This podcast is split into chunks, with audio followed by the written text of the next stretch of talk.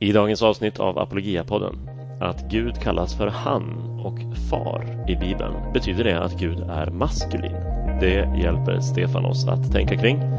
Och sen får vi besök av Mats Selander som berättar om sin bok Finns Gud? om designargumentet utifrån universums finjustering. Långt och härligt avsnitt som väntar på er. Nu kör vi!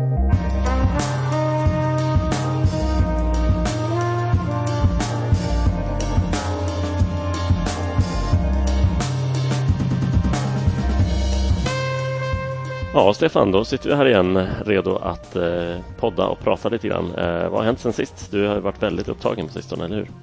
Ja, det stämmer. Jag måste få säga det är roligt att sitta här med eh, båda två med eh, nya headset. Eh, ljudet kommer ju vara som bomull i öronen på lyssnarna. Verkligen. Det är lite synd att vi inte får kommentera mer live-evenemang med tanke på att vi ser ut som att vi jobbar för TV-sporten båda två.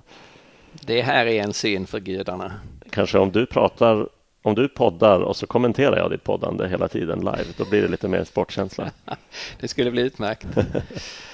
Jo då, jag har, eh, det har hänt en hel del. Jag har varit i grannlandet Norge och eh, i helgen där så hade de sin stora årliga Veritas-konferens som samlar eh, många hundra ungdomar, 400-500 på hela konferensen, 700-800 på sista kvällen. Fantastisk roligt att vara med. Huvudtalare var en man som heter John Dixon. Mm, vad kul. Veritas betyder sanning, så det är en renodlad apologetikkonferens, eller? Det är en del av den eh, apologetiska förnyelsen i Norge. Det är jättespännande att se att precis som i Sverige så växer det apologetiska arbetet i Norge och det växer väldigt kraftigt. Eh, och Veritas är en renodlad eh, apologetikkonferens och det är också ett förlag som ger ut apologetisk litteratur. Kul, kul. Ja, John Dixon hade varit roligt att bjuda till Sverige också någon gång. Vi får se om det klaffar i framtiden. Ja, det var en mycket eh, härlig bekantskap. Jag har läst eh, hans böcker och, man märker ju där både hur kunnig han är och hur pedagogisk och, och duktig han är på att förmedla. Men eh, han överträffade alla sådana förväntningar när man mötte honom. Han är ju akademisk eh, historiker med specialitet på antiken, sysslar med eh, forskning fortsatt i Oxford. Så han är enormt kunnig och verkligen behärskar det historiska materialet. Och sen var han eh, mycket skicklig som talare, som kommunikatör och en väldigt härlig avslappnad, prestigelös person. Mm. Så han kombinerade mycket av det allra bästa hos en evangelist, apologet. Jättekul, härligt. Ja, men det låter bra. Det låter bra. Eh, själv har jag fått resa till eh, Lund här i helgen. Åh, min gamla hemstad. Vad gjorde du där? Ja, du vet, jag följer dina fotspår på mer än ett sätt. Men eh, jag hade ett par föredrag för vår härliga lokalförening Apologia Lund som bjöd in mig till att prata om något så eh, intressant eh, som eh, olika apologetiska ska man säga, skolor och metoder som finns.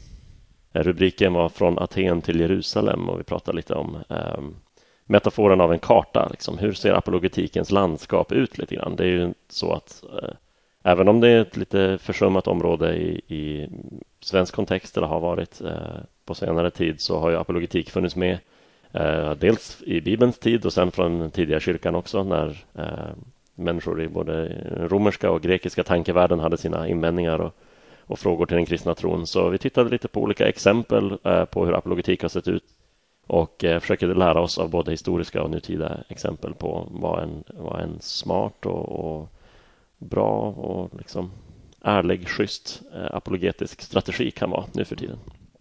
Grattis till Apologia Lund som fick eh, höra det och det kan ju vara en liten uppmuntran till de som lyssnar här om ni är intresserade av att få igång en lokal apologiagrupp så kontakta oss. Ni hittar ju all information på apologia.se. Mm, ja, det är ett kul exempel. De är ju eh, sinsemellan med i lite olika församlingar och har på det sättet fått eh, lov att använda olika lokaler i Lund från, som, från de olika församlingar de är med i och det gör att de också har kontaktyta och det hänger kvar folk från en gudstjänst till exempel och är med på ett apologievenemang eller så, så att, äh, det är jättekul att se. Vi får någon gång äh, ha någon av dem med på podden så de kan berätta mer om hur de har, kommit dit. Men du, du som är ute desto mer än jag och har massa föreläsningar och föredrag. Jag vet ju att du får många och bra frågor, vilket ju är en av de roligaste bitarna med vårt arbete och, mm. och ha dialog efteråt. Är det något särskilt tema i frågorna som har kommit upp på sistone? Ja, det är ju alltid en, en bredd av frågor. Människor eh, kommer från eh, olika bakgrunder och med olika saker som ligger högt upp i sinnet. Eh, så, så det är ju en stor bredd av variation. Men, men det är också, man kan märka att det är vissa frågor som i en viss period eh, återkommer med, med lite större regelbundenhet än andra. Och nu den sista tiden här under hösten så har jag ett antal gånger fått en fråga i lite olika variation men där själva grundfrågan är varför kallar vi Gud fader? Varför säger Bibeln han om Gud?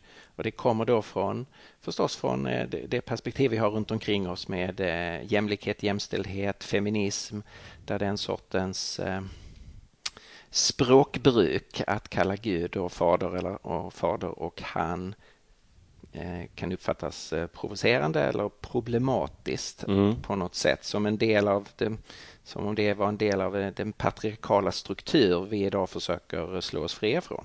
Är det, tänker du, tror du att det handlar mest om att man tycker att det begränsar Gud eller har det framförallt att göra med att det skulle bli svårare att som kvinna relatera till en, en så att säga maskulint färgad Gud eller vad man ska säga, eller en maskulin Gud rakt av om det, om det är det Bibeln menar?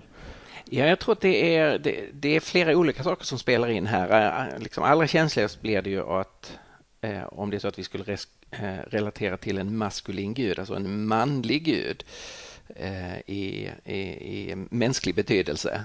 Och, och, sen så tror jag att man är rädd att det och, och med, med, eh, med viss rätta skulle man kunna säga då att det skulle kunna användas och har använts av kyrkan eh, för att motivera en, en patriarkal struktur eller förtryckande, begränsande mm. på olika sätt tankemönster för församlingen. Precis, och det, det kan man förstå. Det kan det finnas fog för. Alltså, finns det utrymme för kyrkan att eh, missförstå och eventuellt missbruka någonting så har under 2000 år har vi i regel utnyttjat det utrymmet. Har vi i regel gjort det. Precis, det... så det finns ju alltid fog för ödmjukhet på den fronten. Men, men vad brukar du svara på den frågan? Eh, var börjar du någonstans i Bibeln för att liksom nysta i det? Ja, det är en sån här fråga som man... Eh, jag tror det är viktigt att inte bara ge ett, ett väldigt kort och liksom snärtigt svar utan att faktiskt försöka reda ut eh, ett, ett tänkande här. Så eh, om det tillåts så har jag faktiskt fem steg som jag tycker man behöver för att eh, liksom ta tag i den här frågan. Jag trodde att det var max tre punkter som gällde. Jag vet, men idag är det fem. Okej, okay. ah, ja, okej okay, den här gången. Alltså, det första är ett konstaterande. Jesus har lärt oss att kalla Gud för fader och säger fader och säger han om Gud. Om man räknar i eh, svensk översättning så är det 82 gånger i de fyra evangelierna som Jesus kallar Gud för fader. Mm. Vi är kristna, vi följer Jesus Kristus, vi bekänner honom som Guds son och Herre. Det är alltså bara givet. Det är någonting ofrånkomligt. Vi kallar Gud fader. Jesus har lärt oss att be vår fader, du som är i himlen. Så det är ett konstaterande. Nästa steg blir sen att börja reflektera kring det konstaterandet. Och då är min första reflektion att, ställa som en motfråga. Rent språkligt, vad skulle alternativet vara? Vi skulle kunna kalla Gud för det istället för han. Mm. Men då gör vi Gud till något opersonligt, ett ting. Ja, nej, det är ju vilseledande. Det, det funkar ju inte. Nej. Vi skulle kunna kalla Gud för hon, mm. ta det andra personliga pronomet.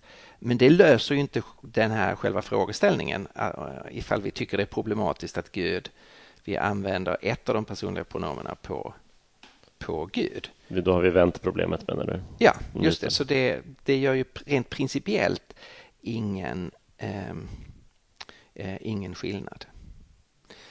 Det tredje steget det är att titta på hur, eh, hur ser Bibeln på man och kvinna och försöka se finns det fog för den här rädslan för förtryck utifrån kristen tro.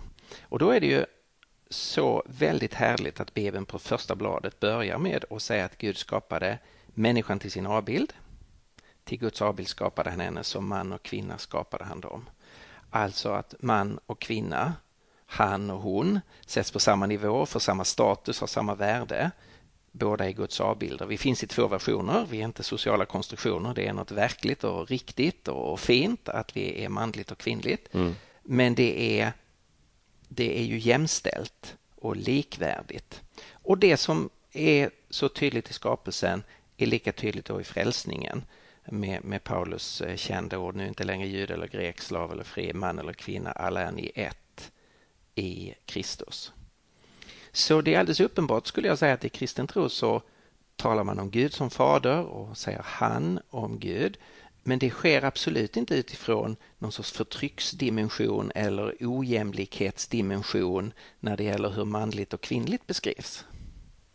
Nej, eftersom de båda kallas för Guds avbild. Nej, jag, jag förstår hur du tänker. Den fjärde punkten är att sen fundera på hur fungerar mänskligt språk? Alltså man kan notera i svensk översättning så som jag läste här, det är från Bibel 2000, så står det som man och kvinna skapade han henne, säger texten. Alltså människan beskrivs som hon. Just det, på svenska. På svenska. Mm. Om man tittar på den hebreiska så är, eh, så är människa maskulint. Just det. Adam är ett maskulint eh, substantiv. Just det. Men det lär oss en intressant sak om språk, att man får inte hårddra varje aspekt av ett språkligt uttryck, utan språk använder eh, pronomen, och så maskulina och feminina pronomen, om sånt som inte är biologiskt könat. Så att, jag menar vi kan se det på svenska att vi säger eh, hon om båt, mm. vi säger hon om människan och därför översätter eh, Bibel 2000 så skapade henne. Hebreiskan säger man han eh, eh, om människan. Men det betyder ju inte att man ska läsa in en hel könsideologi när de orden används på det sättet. Nej, grammatiskt kön och, och biologiskt kön är lite olika saker här. Just det, det är verkligen olika saker. Mm. Och det gör ju att man ska inte tänka om Gud som fader och Gud som han. Att Gud skulle vara man, det är helt, eh, det är helt uteslutet. Gud är ande, Gud är varken man eller kvinna, Gud har inte kropp, Gud har inte vår sexualitet, Gud har inte vårt kön. Mm. Både manligt och kvinnligt är ju en spegelbild eller återspeglar något av det Gud är, men själv är ju Gud varken man eller kvinna eller människa. Gud är Gud. Gud är Gud. Någonting annat. Eh, så är det och därför behöver man inte vara, liksom, haka upp sig på det här. På samma sätt som man bör inte haka upp sig att den kristna församlingen kallas för Kristi brud. Vi män skulle ju då kunna ha någon sorts reaktion inför det. Men det, blir, det är liksom en felläsning av hur språket används här. Mm. Och den sista punkten, det är då att reflektera över vad kan det finnas någon anledning till att Gud kallas fader i, i uppenbarelsen, att Jesus kallar Gud för fader. Och, och jag tror att det finns ett antal aspekter där. Och, eh, en aspekt tror jag är att om man tänker fader i antiken så finns där en väldigt stark konnotation, liksom koppling till ansvaret och omsorgen i en familj. Och det är ju någonting väldigt vackert att tänka om Gud att Gud är den som har ansvar och som har omsorg om mig. Och det behöver inte vara något hotfullt, varken för en man eller en kvinna, att tänka Gud är den som har omsorg om mig. Så det du tänker är att det ändå finns en aspekt av det som är lite kulturbetingad, alltså att det hade varit konstigt i en kultur med manlig auktoritet att kalla Gud för, för moder. Ja, man kan säga att Bibeln är ju fri och använder också eh, bilder av Gud är som en moder som lyfter upp sitt, eh, sitt barn i knät Absolut. Jo, och visar den moderliga omsorgen. Absolut. Eh, så att eh, Bibeln är inte alls rädd för att använda både manliga och kvinnliga bilder. Men när det, det då används det här uttrycket mm. så, så, tror jag att det, att det finns en, också en, liksom en kulturell självklarhet runt det. det. Att man förstår Guds, Guds omsorg. Mm. Eh, och jag kan ju jag kan tänka det att de som har en, då en dålig erfarenhet av sin egen pappa och det, det är ju lite för många som har det. Mm, det är ju klassiskt och det sitter ofta ihop med vad man har för bild av Gud. Då. Ja. Och jag kan förstå att det är på ytan, är, till att börja med, är, är smärtsamt det här. Alltså att man, har, man är så sårad av sin pappa och så börjar se Gud som en himmelsk far. Men men, men egentligen skulle man kunna säga att den här situationen, man, man, kan vända på den. Alltså ungefär som väldigt många har, har eh, dåliga erfarenheter av en kärleksrelation som har präglats av svartsjuka eller kontrollerande eller eh, varit begränsande på olika sätt. Det innebär ju inte att det då blir problematiskt att kalla Gud för kärlek så att man måste liksom ska väcka frågan, ska vi verkligen kalla Gud för kärleken eftersom människor har dåliga erfarenheter av jordisk kärlek? Det, det blir ju tvärt, tvärtom istället säga så här att det som du saknade i den här mänskliga kärleksrelationen, allt det som var så skevt där, att du upplevde det som skevt beror ju på att du har en, en, en föreställning om vad riktig kärlek är. Mm. Och Gud är allt det som riktig kärlek är. På samma sätt finns det ett sånt skriande behov efter bra fäder, att ha en bra pappa att relatera till. Så man kan tänka att det kanske är snarare behovs eh, ur behovssynpunkt är det mer naturligt att, och ännu bättre, ska vi säga, ett, ett ännu bättre och härligare budskap att det finns en sån far.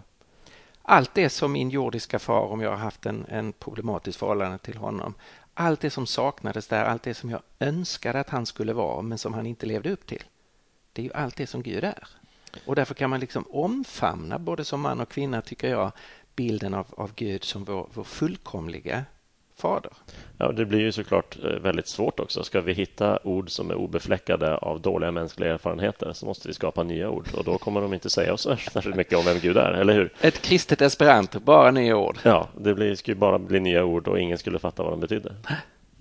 Paulus verkar ju ha den här poängen att vi, vi ska se på Gud som eh, liksom själva fullkomligheten av det som ett faderskap borde vara. Han säger ju i Efesierbrevet 3, vers 14 och 15. Därför vill jag falla på knä för Fadern efter vilket allt vad Fader heter i himlen och på jorden har sitt namn. Så han verkar ju ta Gud som fader som utgångspunkt, sen för allt vad fäder är här på jorden. Och sen eftersom då fäder här på jorden är syndfulla människor så återspeglar de ju inte det som den himmelske fadern är alltid. Men det är liksom en styrka att kunna säga att det finns en fullkomlig kärlek, det finns en fullkomlig fader. Ja, men eh, tack för det Stefan. Det är ju eh, det är fint att även vi som inte då har tid och möjlighet att resa överallt dit du reser får, får vara med och, och höra samtalen som, som förs där ute. Så tack för att du kom och, och delade med dig av det. Jag är säker på att den frågan säkert dyker upp på fler eh, ställen framöver också. Du får väl säga till om du kommer på fler nyanser av svaret. Sju punkter nästa gång. Sju punkter nästa gång. Det blir ohållbart, men eh, vi får göra vårt bästa. Fullkomlighetens tal. Då eh, säger vi eh, tack och eh, Apologiapodden är strax tillbaka då med ett samtal med Mats Selander om argumenten för Guds existens.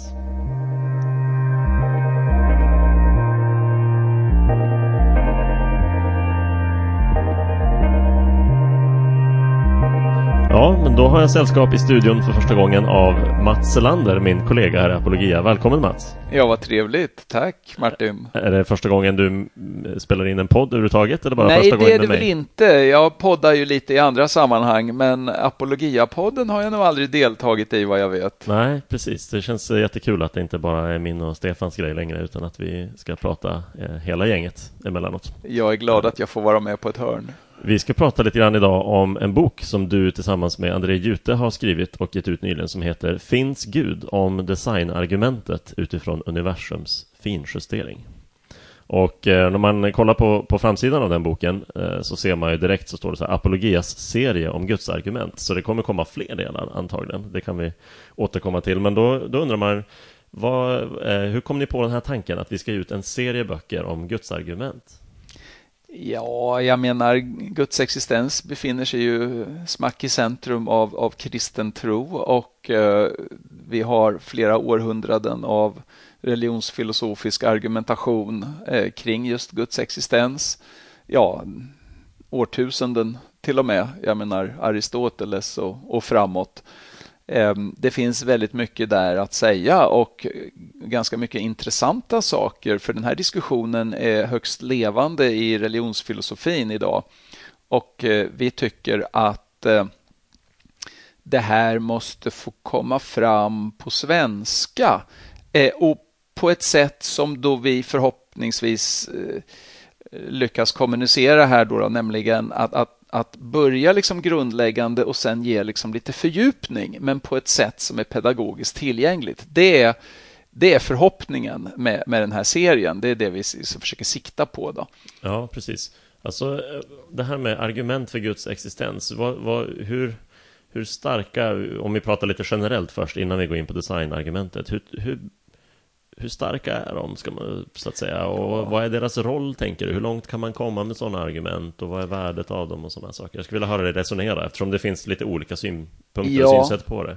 Alltså man kan ju fråga sig hur, hur starka är argument överhuvudtaget när det gäller eh, vårt sätt att forma våra övertygelser och så vidare. Jag menar, det argumenteras ju i alla möjliga frågeställningar och hur pass hög grad grundar sig folk på argument överhuvudtaget Nej, i någon precis. fråga? Precis. kan man ju det, fråga sig. Det är dels en, eh, det är liksom en filosofisk fråga, det är dels en psykologisk fråga också. Ja, det är det ju. Hur, hur mycket biter argument på folk i största allmänhet och så. Men ja. Jag tänker att ibland har man kallat de här argumenten, liksom de traditionella argumenten för Guds existens, har ibland kallats för Guds bevis. Ja, och det är ju det. ganska höga anspråk inbakade ja, det i det på något sätt. Men det är inte riktigt så vi tänker kring dem nu. Nej, Nej, men därför kallar vi det för gudsargument. Eh, för, för bevis låter ju lite för starkt, men, men jag tänker mig att gudsargumenten eh, är som ett komplement i den här processen när man funderar kring, kring Guds existens. För att det har ju både med egen erfarenhet, det har med intuitioner att göra och sen kommer argument också in i bilden. Och, och jag tänker mig ungefär så här att, att folk bildar sina trosföreställningar i ganska hög grad eh, omedvetet och i, i väldigt hög grad beroende på på den sociala situationen där man befinner sig. Alltså vad tycker mamma och pappa? Vad tycker mina syskon? Vad tycker lärarna? Vad tycker kompisarna? Vad säger de är sant? Och så, så liksom suger man i sig det mer eller mindre omedvetet och, mm. och, och, och, saker som förutsätts men som inte sägs uttryckligen suger man ofta i sig som självklarheter utan att reflektera över det. Så att vi formar ju väldigt, väldigt hög grad omedvetet våra trosföreställningar och, och, det är väldigt sällan argument utan det är bara påståenden. Så, här, va? Och, så är det i vår kultur. Så var det för mig när jag var 14 år och var ateist. Alltså jag tog det som självklart att Gud finns inte. Jag hade inga argument för Guds icke-existens. Jag hade inte tänkt igenom det här argumentation prestationsmässigt utan det var en självklarhet därför att det visste alla. Så här va. Och, och, och det man kan tycka är lite misspeppande är väl liksom att, att i hur pass hög grad är det där rationellt? Alltså det verkar som att rationaliteten inte spelar så himla stor roll för, för hur vi formar våra övertygelser. Och det här är någonting som frustrerar filosoferna när jag läste på Stockholms universitet och tycker att vanligt folk, de, de, de formar ju sina trosföreställningar på ett helt irrationellt sätt. Och det här blir en frågeställning. Är det verkligen så att det är så irrationellt som, som, som filosoferna menar då, eller många filosofer, eh, när vi formar våra trosföreställningar från, från vad folk tycker eller kulturen och sådana här saker. Från, från ett kristet perspektiv så blir det så här då tycker jag att, nej men vänta nu, om vi är skap, om Gud finns och vi är skapade för gemenskap, vi gemenskap med, med Gud och människa, människor emellan, kärlek, eh, eh liksom ärlighet, massa goda relationer. Alltså om vi är gjorda för de här relationerna, då är det väl inte så himla konstigt om vi också är gjorda för att forma trosföreställningar utifrån de här goda relationerna. Alltså vi är väldigt mycket sociala varelser. Vi är kanske mer sociala varelser än vad vi är rationella varelser. Och utifrån ett kristet perspektiv så kan man inte säga att det i grunden är fel. Utan det, och, på det sättet så kan man ha en lite mer avslappnad hållning till att folk formar sina trosföreställningar på fel sätt enligt eh, Stockholmsfilosoferna som jag hade som lärare i alla fall. Och det har ju frustrerat eh, de flesta filosofer genom tiderna, kanske mer eller mindre, att, att människor går med alla möjliga, möjliga typer av föreställningar som de eh, varken har stark grund för eller ens är särskilt medvetna om. Så är det ju. Men det man då filosofiskt kan argumentera för, då menar jag att tittar du på ett argument så har ju det premisser. De premisserna i sin tur kanske har några argument för sig. Men oftast så kommer du ganska snart till en bottenlinje där, där man tänker så här, ja men varför tror du det där då? Ja men det verkar ju bara rimligt att det är så. Alltså mina intuitioner säger, ta, ta, folk, massa folk går omkring och tror på fri vilja. Har de några argument för det? Nej, de upplever att det är så. Det tycks vara så för dem. De tror på människovärde. Varför det? Har de några argument för det? Nej, de tycker tycker att det är så bara. Det verkar vara så. Alltså, filosofer på Stockholms universitet som jag hade i alla fall, de trodde på fri vilja utan några argument. De hade till och med en världsbild som krockade med deras tro på fri vilja i väldigt hög grad. Alltså verkligt fri libertariansk fri vilja, inte då någon sorts eh, där man, bland, där man liksom kan förena fri vilja med determinism, utan verkligt fri vilja. Men jag kunde verkligen på riktigt valt annorlunda. Ja, det finns det massa filosofer som springer omkring och tror, fast de har en naturalistisk världsbild där de kan inte, de kan inte trycka in den här fria viljan i sin världsbild, men de fortsätter att tro på det. Varför det?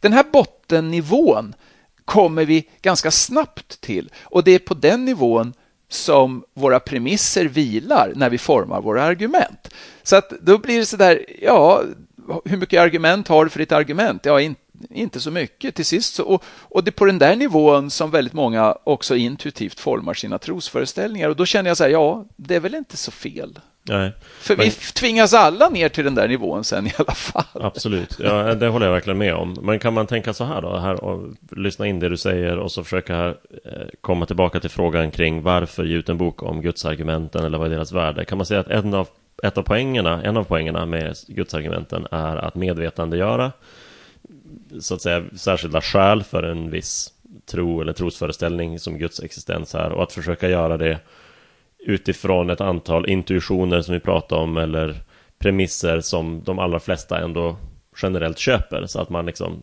man tittar på, för det här är ju ett argument som kommer involvera en hel del naturvetenskap och sådana här saker.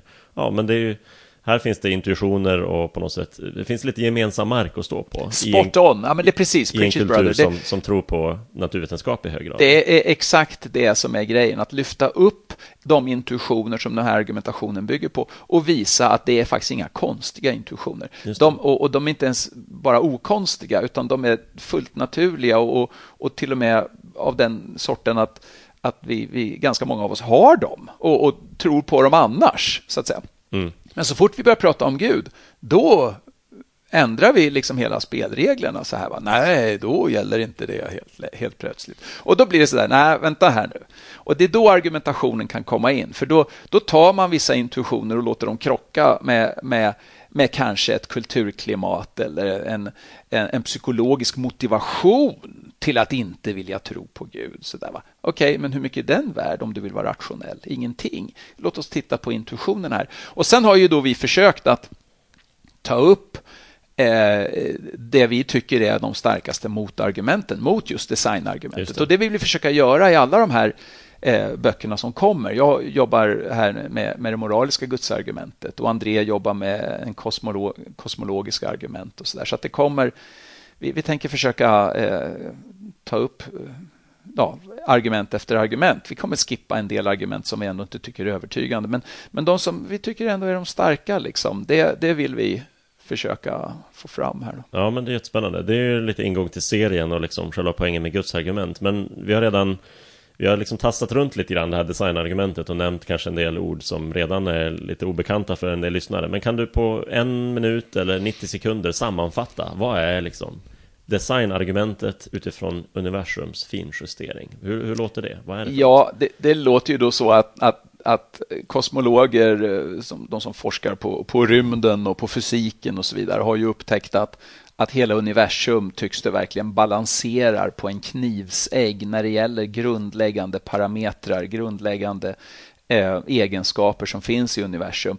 Eh, och, och, det är både av den sorten att du har alltså gravitationskonstanten, alltså sådana konstanter som finns i naturlagar.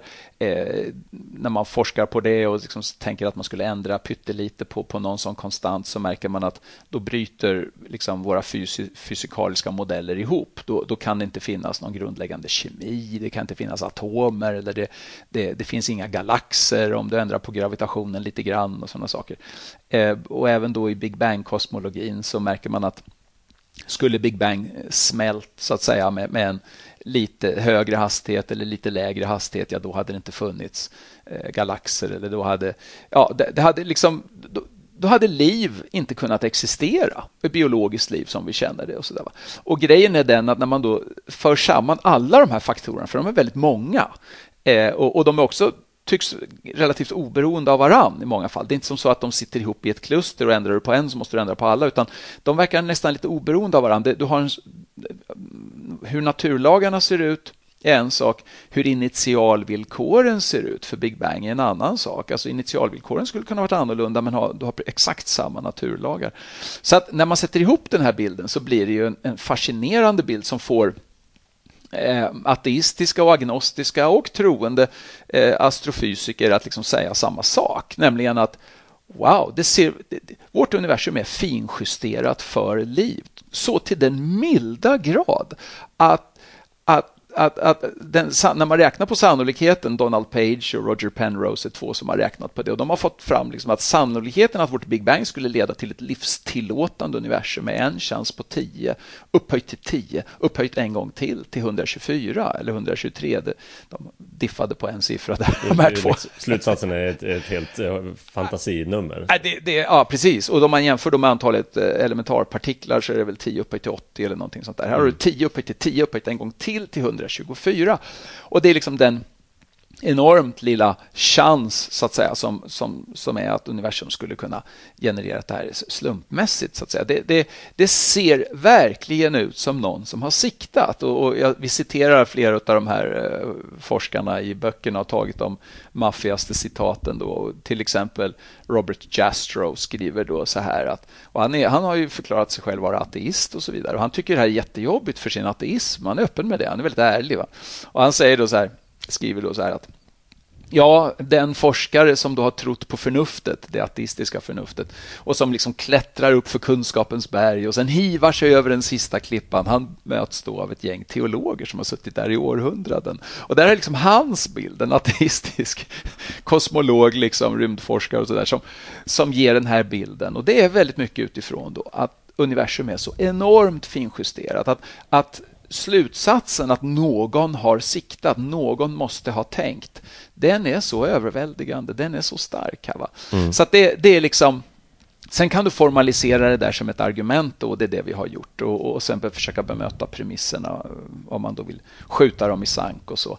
Men, men det intressanta är då, tycker jag, är att, att argumentationen är, är så pass stark att, att det det absolut vanligaste ateistiska sättet att slinka ur den här argumentationen, det är multiversumhypotesen. Ja, precis, för det tänker jag, vi skulle vilja komma in, jag bad dig om, om två minuters versionen. Jag känner ju dig, så jag räknade med en fem minuters version när jag ber om det.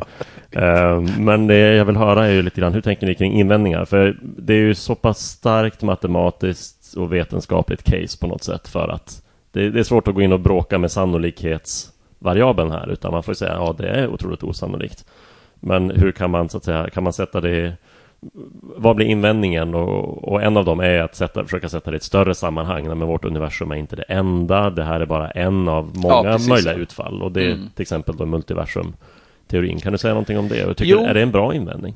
Eller ja, eller ja. Det, det, alltså, man skulle ju kunna invända och säga så här, ja men det kanske är bara slump och du, du förutsätter att det finns ett mönster här. Det finns ett mönster som du kallar för livstillåtenhet. Varför har det där mönstret som, som någon sorts referenspunkt? Och så här, du skulle kunna vara en total nihilist och säga att ah, det, det, finns en massa olika sätt som Big Bang skulle kunna utfalla på och då skulle det kunna vara signifikativt på massa olika sätt som inte, som inte tillåter liv men har någon sorts signifikans på något annat sätt. Problemet skulle vara att man liksom eh, nästan förutsätter eller bygger in en, en värdering av att ja. det är väldigt bra att det är livstillåtande. Ja, liv och mänskligt liv, det är liksom något, något sorts värde på ja. det. Om du tar bort det värdet och liksom sätter det lika med noll, då, då får du inte någon sån här signifikans, då får du inte liksom ett, ett mönster som det här har prickat och sådär. Men, men då får du, och vi tar upp det också, då, ja, men då får, då, då får du liksom betala Eh, för att slinka undan det här argumentet med, med fullfjädrad nihilism. Liksom. Mm. Och då är frågan, är det, är det liksom rimligt då? Va? Och det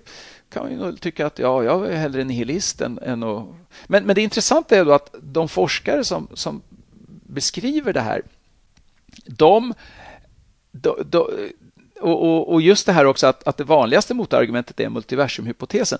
Det indikerar att, att nej men det, nej, det där priset är vi inte riktigt villiga att betala. Det där är lite för...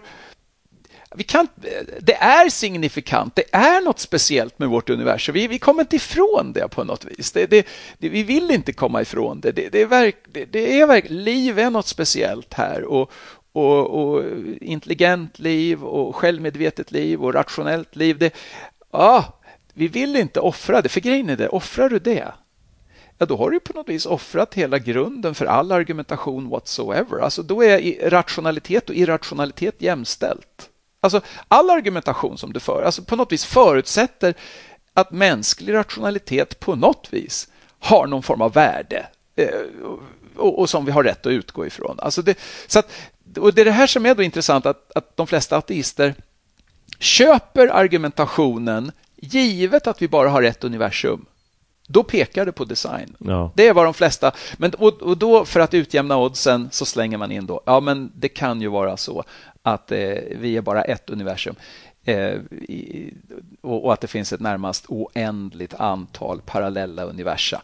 Och då är det så att vi råkar leva i det som har de här förutsättningarna för att vi skulle aldrig kunna leva i något av de andra. Nej, precis. Då är det inget konstigt längre. Och då är det inget konstigt längre. De har tagit det, bort konstigheten. Finns det någonting som som faktiskt talar eller finns det ens något som skulle kunna tala för ett multiversum? Alltså jag menar, skulle det inifrån ett universum gå och veta om ja, det finns ett multiversum eller inte? Finns det konkreta argument som... Ja, alltså det som är lurigt är ju att hela den här argumentationen som pekar på design skulle du kunna vända då till att peka på multiversum, så att säga. Man alltså, bara flyttar bak problemet ett steg. Ja, ja ungefär. Mm. Men, och, och, och, att till exempel inflationen då, alltså att, att universum har expanderat väldigt, väldigt snabbt, är någonting som som kosmologer då säger att vi behöver en inflationsteori därför att universum är så jämnt, det är så jämnt utsmetat så att säga. Energin är jämnt utsmetad. Det, det är så mycket som är jämnt utsmetat och, och den där jämna utsmetningen skulle du inte få om inte Big Bang expanderade väldigt, väldigt snabbt i början, den här inflationen då, som en väldigt snabb expansion. Då. Så att många räknar med inflation, liksom, att det har, det har hänt. Liksom. Och om du tar med det i bilden, då, kan, då, då har man ju tänkt någon sorts evig inflation. Då. Tänker, tänker du en evig inflation, då, då, då, då, då skapas det med små fluktuationer då en massa Eh, små universa som då börjar expandera. Och De expanderar visserligen snabbt, men inte tillräckligt snabbt för att krocka med varandra. För att det här multiversumet då har en evig inflation som expanderar. Och så här, Den här typen av spekulationer eh, har ju viss, vad ska jag säga, eh, fysikalisk grund. Liksom. Ungefär som att ja, men det kanske är ändå fysiskt möjligt. Och så där, va? Och, men, men, det finns ju de som säger så här, men det här är ren filosofi, det här är ren spekulation och så. Men, men man använder ju... Det är på gränslandet mellan vetenskap och filosofi skulle jag säga. Och, och, och jag kan inte riktigt uttala mig om, om vad motivationen är. Det, det verkar som att den främsta motivationen är att finjusteringen är så enorm och parat med naturalism så kan det inte vara design utan då måste du ha multiversum. Man vill undkomma den slutsatsen lite grann. Ja, men och det är där som vår, eller Robin Collins som vi bygger på, då, hans argumentation kommer in i bilden. Därför att multiversumhypotesen är inte enligt oss då, och andra filosofer som vi bygger på, är inte någon bra lösning. Därför att det, för, för problemet är att när du tittar på de mest realistiska multiversummodellerna som finns så förutsätter också de finjustering. Därför att de måste ha en massa naturlagar inbakade i sig som måste vara finjusterade i relation till varann. Så att då, då, det enda som händer är att du måste baka in finjusteringen i multiversumhypotesen och då, och, och, och då blir multiversumet så att säga, lika osannolikt som det som skulle förklaras. bara ett ännu större, ja. ännu större men lika finjusterat ja. Eh, fenomen. Ja, om det är lika finjusterat kan jag inte riktigt men det är alldeles tillräckligt finjusterat för att kräva en förklaring, ja. Eh, skulle jag då säga. Sen får du problemet med Boltzmann-hjärnor, det tar vi också upp och det, det är det här att att vi, här springer vi omkring som medvetna observerad, observerande Eh, liksom, objekt, eh, subjekt. Va? Vi, vi, vi, observerar saker. Vi, vi, oj, här finns ett universum och så. Problemet är bara det att sannolikheten att, att att Big Bang skulle generera en, en, ett väldigt litet universum med bara en enda hjärna som observerar sitt inre, inre universum. så att säga. Den sannolikheten är jättemycket större än att du får ett så stort ordnat universum som vårt. Och Det betyder då att, att om du verkligen köper multiversumhypotesen så borde du bli solipsist. Du borde tro att den enda, det enda medvetande som finns i universum är ditt. För det är och gigantiskt. att du heter Boltzmann. Vad Och att du heter Boltzmann. ja, kanske det. Så att det här är liksom ett, ett problem som när man tar multiversumhypotesen på filosofiskt allvar så skapar det problem som jag inte tror att vi vill leva med och som vi eh, faktiskt inte kan tro på. Mm. Um, det här uh, blir ganska snabbt en ganska teknisk och specialiserad diskussion men det är väldigt ja, intressant, det, det är fascinerande. Det, det, är ju ett väldigt starkt och gripande argument och det hugger ju liksom, det tar, det tar fasta på och hugger tag i en sån fundamental intuition som vi pratade om i början, det här med ja, det. Hur, hur vår tillvaro ser ut. Hur mycket, ja. um, jag tänker det som vi inte som specialister uh, i naturvetenskap kan se är ju mer vardagliga fenomen som ordningen och skönheten i världen ja, och sådana saker. Kan man säga att designargumentet är en förlängning av eller en precisering av ungefär den intuitionen? Tycker ja, ja, ja, jag uppfattar det så, ja. absolut. Um, det kommer fler delar om andra argument. Kommer det sig att ni började med just det här? Är det här det bästa argumentet för Guds existens? Tycker du? Ja, vi började väl med det för att, för att i vår kultur i Sverige så, så tror vi ju väldigt mycket på vetenskap och vi tror oss vara väldigt vetenskapliga, även om vi inte är det. Eh, vi har en bild av, av vetenskaplighet så att säga som någonting som vi verkligen tror på och, och verkligen följer. Sen, sen eh, tror jag att vi i väldigt hög grad struntar i vetenskapen när våra individualistiska, vad ska jag säga, preferenser krockar med det, då mm. struntar mm. vi i vetenskapen. Alltså det, den betyder inte mycket när, när, när man vill leva på ett annat sätt. Eh, och Det gäller ateister och det gäller kristna och det gäller alla. Liksom. Så att, vet, vi, men vi tror oss bry oss väldigt mycket om vetenskapen. Och, eh, och, och, och det... Och, och, Det gjorde då att vi kände så här, ja men det starkaste vetenskapliga argumentet eller det starkaste filosofiska argumentet för Guds existens som bygger på eh, väldigt övertygande vetenskapliga premisser. Det borde vi börja med. Det var så vi tänkte. Och då är det här det som... Och då, då, handlar det inte om evolution, det handlar inte om DNA, vilket jag tycker har DNA-strukturen ett jättestarkt argument för, för design också. Och Det är en plan, en plan att vi ska få en bok om det också så småningom. Men, men det här undviker hela evolutionsdiskussionen, tar det som kosmologer säger och som det inte finns någon debatt om, att, att universum är finjusterat på en massa olika sätt. Och då, då har vi en väldigt säker, väldigt stark vetenskaplig utgångspunkt här i vårt filosofiska argument. Mm.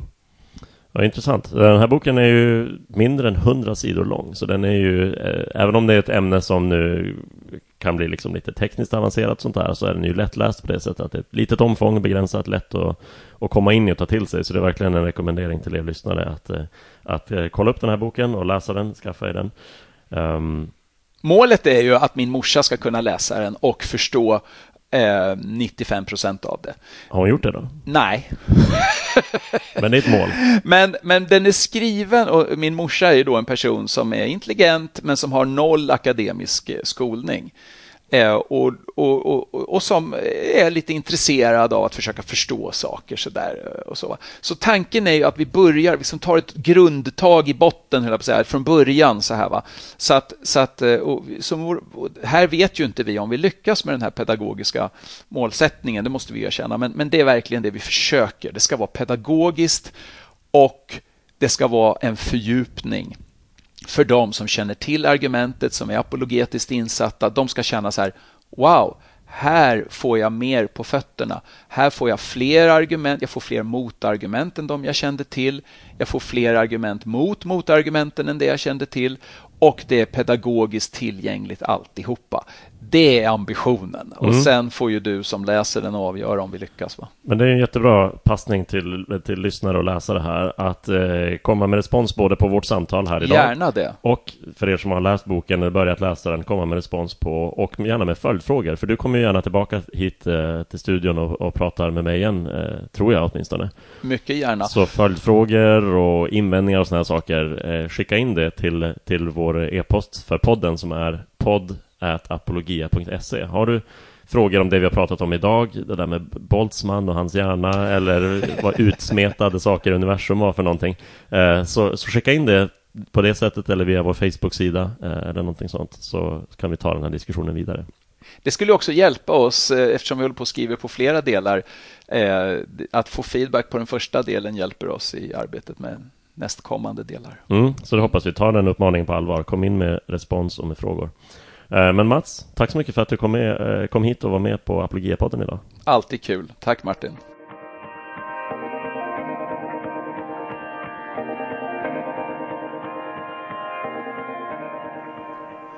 Tack till Stefan och Mats som eh, stannade i Apologia-poddens studio idag och pratade en stund. På gång i Apologia som ni behöver känna till är Uppdragets rike, konferensen som äger rum här i Stockholm den 22 till 23 november. Det är helt klart dags att anmäla sig. Apologia arrangerar ett spår under konferensen som handlar om apologetik. Det finns flera andra spännande spår, så ta med dig vänner och bekanta, eh, församlingsledare eh, och andra som eh, själva kan välja det spår som är mest aktuellt för dem. Anmäler sig gör man på uppdraggudsrike.se och priset det höjs den första november, så passa på i några dagar till att anmäla till den konferensen. Om du vill eh, titta mer på och eh, beställa hem Mats Landers bok Finns Gud så hittar du den på apologiaforlag.se. Följ oss på Facebook och andra sociala medier. Eh, vi hörs nästa gång på Apologia-podden. Hej så länge!